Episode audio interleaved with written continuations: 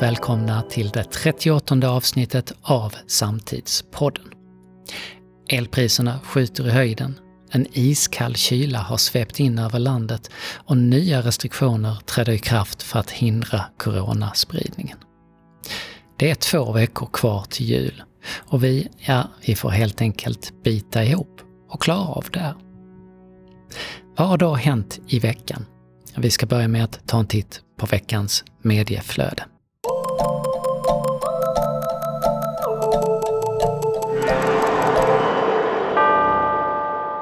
Med illa dold förtjusning publicerade den åtminstone tidigare SD-propagerande publikationen Nyheter Idag en bild på civilministern Ida Karkiainen som 15-åring där hon ser ut att hejla.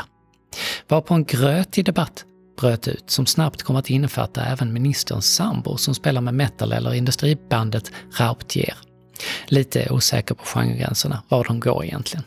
Eh, bandets mest spelade låt på Spotify heter i alla fall låt När palmen regnar och har 11 miljoner lyssningar.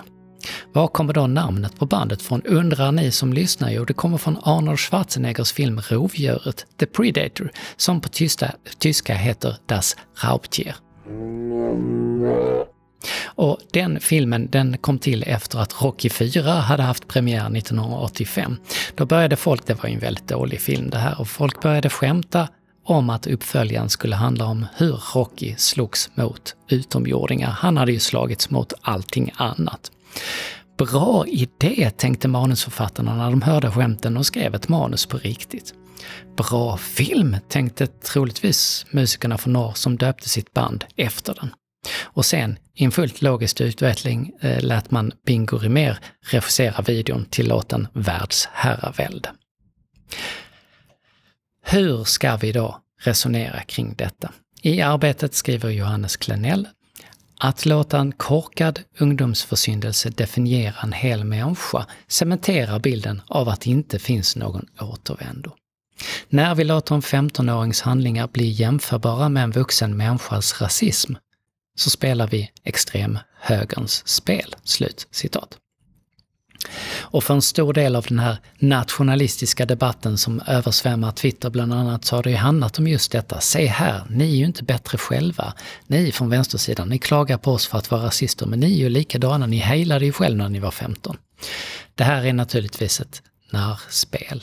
Och roligt nog så kom det i veckan en undersökning från Novus om just rasism, eller roligt, det var kanske inte så roligt, men, men, men det kom i alla fall en sån. Den visar att varannan väljare anser att Sverigedemokraterna är ett rasistiskt parti.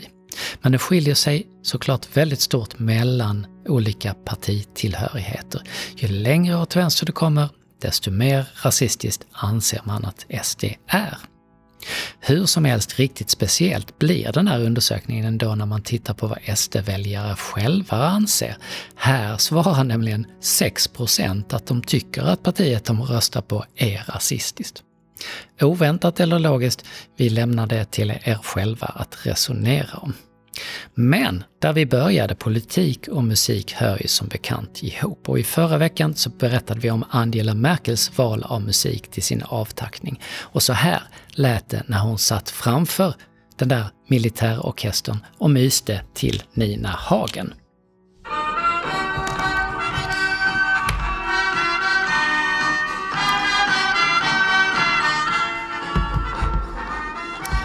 Ja, ni hör ju vilket mys. Och om inte det här är bisarrt nog för er så um, ger vi er nu Vänsterpartiets gruppledare Katarina Wahlgren som nyligen rappade i Stockholms regionfullmäktige.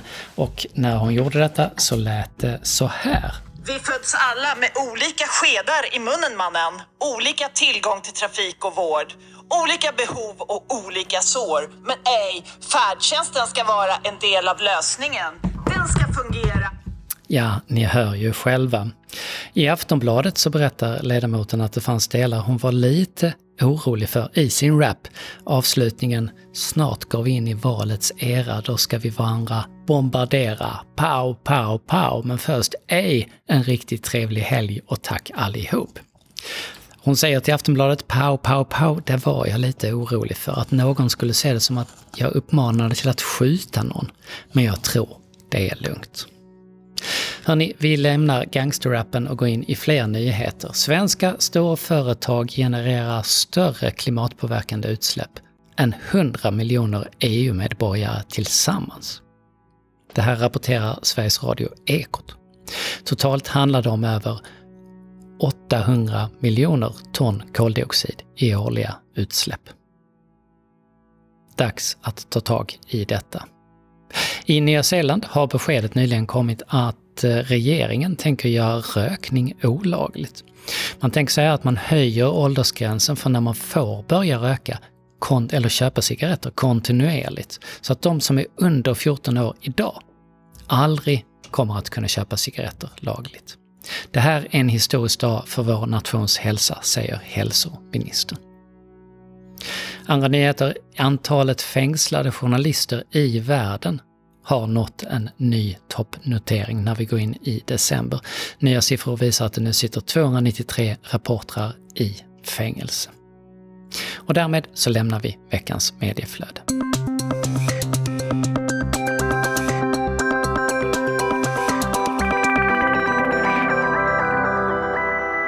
Och nu ska vi prata om demokrati. För vi på Altitude Meetings vi använder bland annat vårt arbete med Stadshallen i Lund som en framtida bas för vårt demokratiarbete. Och Stadshallen, ja den öppnar igen efter ombyggnaden nästa år, men redan nu är innehållsarbetet igång. Och för er som inte känner till byggnaden är det här alltså Sveriges enda stadshall. Den är ritad av arkitekten Claes Anselm och den är byggd 1968. Byggnaden ligger mitt inne i stan och det är också här som fullmäktige normalt sammanträder. Här kommer vi bland annat att driva projekt med Raoul Wallenberg-institutet och vi ska alldeles strax prata mer om detta tillsammans med dem. Men med mig nu har jag min kollega Ulrika Järpe. Välkommen Ulrika! Tack Anders! Ulrika, kort berätta, vad är vårt uppdrag i Stadshallen? Vi har fått uppdraget som operatör och ska ansvara för värdskapet i Stadshallen. Samtidigt som vi är en hyresgäst i huset. Just det, så att vi, vi, vi ska då fylla det här med innehåll och, mm. och eh, driva det. Eh, men, men hur, hur gör man då? Du jobbar ju just med detta. Hur gör man då när man har en stor central plats mm. i Lund, alla möjligheter? Eh, hur går man tillväga när man, när man, när man ja. jobbar med något sånt här? Vi själva såklart eh, fick ju massa idéer direkt och på spännande innehåll som vi vill fylla stadshallen med. Men eh, framförallt så ser vi oss som möjliggöraren så vi har träffat och träffar väldigt många olika organisationer och aktörer nu för att eh, möjliggöra för dem att eh, driva sina egna arrangemang. Och vad är det för typ av? Eh... Det kan ju vara, till exempel har vi träffat Ungdomstinget eh, som har många olika träffar eh, i Lunds, med Lunds unga. Eh, och det kan vara en bokcirkel som vill ha sitt boksamtal eller kan det vara en eh, stand-upare som vill testa sitt material? För att nämna några exempel. Mm. Så vissa saker kommer vi göra tillsammans och vissa saker eh, gör de själva. Vad är det roligaste med, med det här arbetet tycker du själv? Att, eh, att göra det tillsammans med andra. Att samarbeta eh, och eh, få göra en levande plats. Alltså öppna upp en levande plats i en stad. Mm. Och det här är också, för er som inte känner till Lund, så det här är ju Lunds mest centrala mm, torg. mitt eh, på Stortorget. Mitt i, i, på Stortorget är ju tanken att öppna upp det så det verkligen blir ett slags vardagsrum för Lundaborna, att man kan komma mm. in där. Och eh, den här sortens platser i en stad, vad, vad, vad kan de spela för roll? Mm. Alltså jag tänker egentligen bara vetskapen att det finns en plats dit man kan komma utan att att behöva boka plats eller eh, be om ursäkt, eller på sig. Jag kan gå igenom och eh, få reda på vad är det senaste nytt i stan. Jag kan eh, ta med min dator och sätta mig och jobba en timme eller jag kan gå på det öppna författarsamtalet mm. nästa torsdag. Det känns ju lockande. Väldigt många platser i våra städer är ju slutna kommersiella, mm. det vill säga du kommer inte in där om du inte har ett ärende eller om du inte betalar Nej. någonting för att komma innanför dörren. Eh, och allt mer blir ju städerna faktiskt slutna. Mm. Så det är ju också en unik möjlighet att jobba med, med att öppna upp mm, en central plats. Mm, när öppnar Stadshallen? Skyltsöndag 2022. Skyltsända 2022 och just nu så håller man på att eh, riva ur och eh, Mm. riva in och det är lite komplicerat. Claes Halsen som, som, som eh, då är känd i, i Lund framförallt för sina byggnader eh, ritade på ett speciellt sätt, inte en helt enkel eh, och man får inte ri, som riva vad man vill. Liksom. Mycket som och- ska bevaras och väldigt speciell arkitektur där inne. Så därför tar det lite tid att bygga om ett sånt där hus, men det är Ja, spännande det att följa. leva, leva några år till framåt. Så. Eh, hörde, Ulrika, tack så mycket för att eh, du var med oss. Tack så mycket. Vi har också med oss Kristina Geijer av Ekström som är kommunikationschef på Raoul Wallenberg-institutet. Välkommen Kristina! Tack så mycket Anders. Och tillsammans så kommer vi att i januari starta en serie livesända talks som går under namnet Raoul Wallenberg Talks.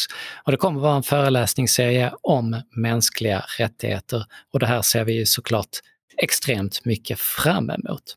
Men Kristina, för den som inte känner till Raoul Wallenberg-institutet, berätta, vad, vad är det för någonting? Ja, mycket bra fråga. Eh, Raoul Wallenberg-institutet är en akademisk institution som då inte är helt knuten till universitetet men som jobbar nära universitetet. Eh, och som är en, en stiftelse, en non-profit organisation som jobbar med att sprida kunskap om mänskliga rättigheter utomlands men också i Sverige. Och, och det här att det är knutet till universitetet, det är forskningsbaserad verksamhet? Mm, precis. Eh, vi jobbar ju med forskning genom ett eh, antal olika områden inom, inom ramen för mänskliga rättigheter. Och tillsammans med fakulteten, juridiska fakulteten så driver vi också ett masterprogram eh, för mänskliga rättigheter. Så att vi, vi stöttar forskning bland de som, som bedriver forskning och så bedriver vi egen forskning här på institutet. Och sen har vi då ett antal så kallade internationella program där vi i olika länder också jobbar med utbildning. Och, och har jag rätt för mig här, Kristina, att, att det startar 1984 och har sedan dess expanderat. Vilken, vilken sorts arbete är det ni gör idag? Ja, det stämmer att vi startade 1984 faktiskt också eh, med biblioteket. Det kan man också nämna att vi har eh, ett av eh, Nordens mest specialiserade och största bibliotek inom litteratur för, kring mänskliga rättigheter. Eh, men det vi gör, alltså det vi gör är att eh, värna eh, och sprida kunskap om mänskliga rättigheter genom forskningen som, som sen inlemmas i de utbildningsprogram som vi då tillsammans med Sida väldigt mycket, men också andra donatorer och som stöttar oss, ser se till att människor som jobbar nära i olika organisationer, som till exempel i fängelse, väldigt, väldigt konkret, för att ta ett exempel, i vår verksamhet i Kenya, eh, där jobbar vi med fängelser för att de som, som sköter fängelsevården ska eh, känna till vilka, vilka rättigheter som människor har där, för att sedan eh, jobba efter dem. Och, och er verksamhet tar ju plats på eh, en, en, en stor mängd platser i världen. Hur hur många platser finns ni på? Vi finns på eh, ett antal platser, det stämmer. Vi, i, Lund så har vi huvudkontoret och vi har också ett eh, kontor i Stockholm. Sen finns vi i Harare, Nairobi, Amman, eh, Istanbul, Jakarta. Och det var nog alla tror jag faktiskt. Phnom Penh finns vi också i. Och vi, här i podden har vi pratat väldigt mycket om demokratiutveckling och, och, och liksom de mörka hoten som tonar upp sig, att vi går i helt fel utveckling när det gäller världen. Vilken är den mest brännande fråga för er på institutet idag? Kan, kan, kan man ställa en fråga så till det? Mm, absolut. Eh, precis som du säger så är det ju så att eh, vår demokrati är ju ständigt hotad och den behöver försvaras, liksom våra mänskliga rättigheter. Men just nu för vår del så tittar vi väldigt mycket på vilka effekter covid, alltså pandemin, den här krisen har fått Eh, i förhållande till mänskliga rättigheter. Vi kan ju se en väldigt stor tillbakagång inom många områden där det har funnits en utveckling, till exempel när det gäller eh, ojämlikhet och eh, fattigdom och vi kan ju även se strukturella problem här i Sverige när det gäller de här sakerna. Så just nu är det väldigt mycket som är kopplat kring covid-19 och mänskliga rättigheter. Mm. Du, du, eh, regeringen har ju beslutat att, att, att det ska skapas en ny myndighet, eh, ett institut för mänskliga rättigheter och det ska också placeras i Lund där, där ni har huvudsäte. Eh, 1 januari ska detta kicka igång om, om allt går enligt eh, planen. Eh, och det innebär ju såklart en stor stärkning, både Raoul Wallenberg-institutet och den här myndig eh, nya myndigheten. Va, vad kommer detta att innebära för arbetet med mänskliga rättigheter i Sverige? Det kommer nog innebära väldigt mycket. Vi är som sagt väldigt glada att institutet kommer till Lund. Det är någonting vi har eh, också lobbat för eh, lite grann kan man säga. Eh, så vi är jätteglada för att Lund blir eh, en så stark plats för mänskliga rättigheter. Men det, det, är något som är väldigt efterlängtat, det här institutet i Sverige. Eh, vi har ju fått lite eh, reprimander från FN bland annat när det gäller att vi har inte haft en sån här oberoende myndighet som gör en översyn av alla mänskliga rättigheter i Sverige och tittar på eh, olika organisationer och hur väl vi, de lever upp till mänskliga rättigheter. Så det kommer nog betyda mycket, även om det kanske kommer ta ett litet tag innan de är up and running, så att säga. Men vi har inte haft koll på läget i Sverige innan, kan man, kan man säga så? Alltså vi har haft koll, vi har haft en del uh, ombudsmän som har varit duktiga på att titta på enskilda frågor. Men när det gäller uh, just det här perspektivet med internationell rätt så har vi kanske inte haft uh, lika bra koll. Och eh, Vi pratade innan om eh, vår serie Talks och det första talket här eh, just nu så är det planerat till den 20 januari. Det är ju några veckor efter, det är nästan som att fira den nya myndigheten. Mm. Eh, där kommer att handla om AI och mänskliga rättigheter. AI-frågorna handlar ju väldigt mycket om etik. Och talare här är Per Axbom med en rad gäster. Mer information om det här kommer såklart. Vi håller precis på att knyta ihop säcken. Följ oss gärna i våra kanaler och följ gärna Raoul Wallenberg-institutet. Kristina och hennes kollegor hittar ni på rwi.lu.se och ni finns väl också i en rad sociala kanaler, Kristina? Absolut, ni hittar oss överallt. Tack så jättemycket för att du var med på den. Tack så jättemycket Anders.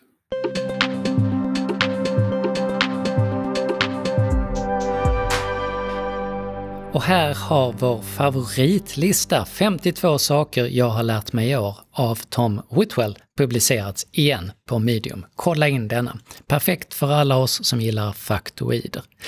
Här lär man sig bland annat att fram till 1873 så varierade längden på en timme i Japan beroende på säsong. Det var alltid sex timmar mellan soluppgång och solnedgång, så under sommaren så var en timme en tredjedel längre än under vintern.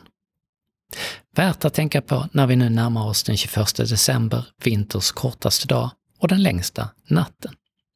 Men även i Sverige hörni, har vi haft knäppa tider.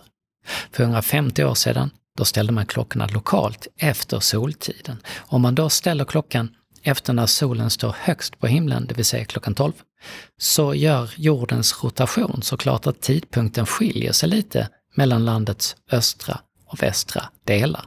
Och här fick vi lite problem förr i tiden i Sverige, för vad var egentligen klockan? För järnvägen så eh, körde man på Göteborgs tid över hela landet. Men för telegrafen så använde man stockholmstid över hela landet.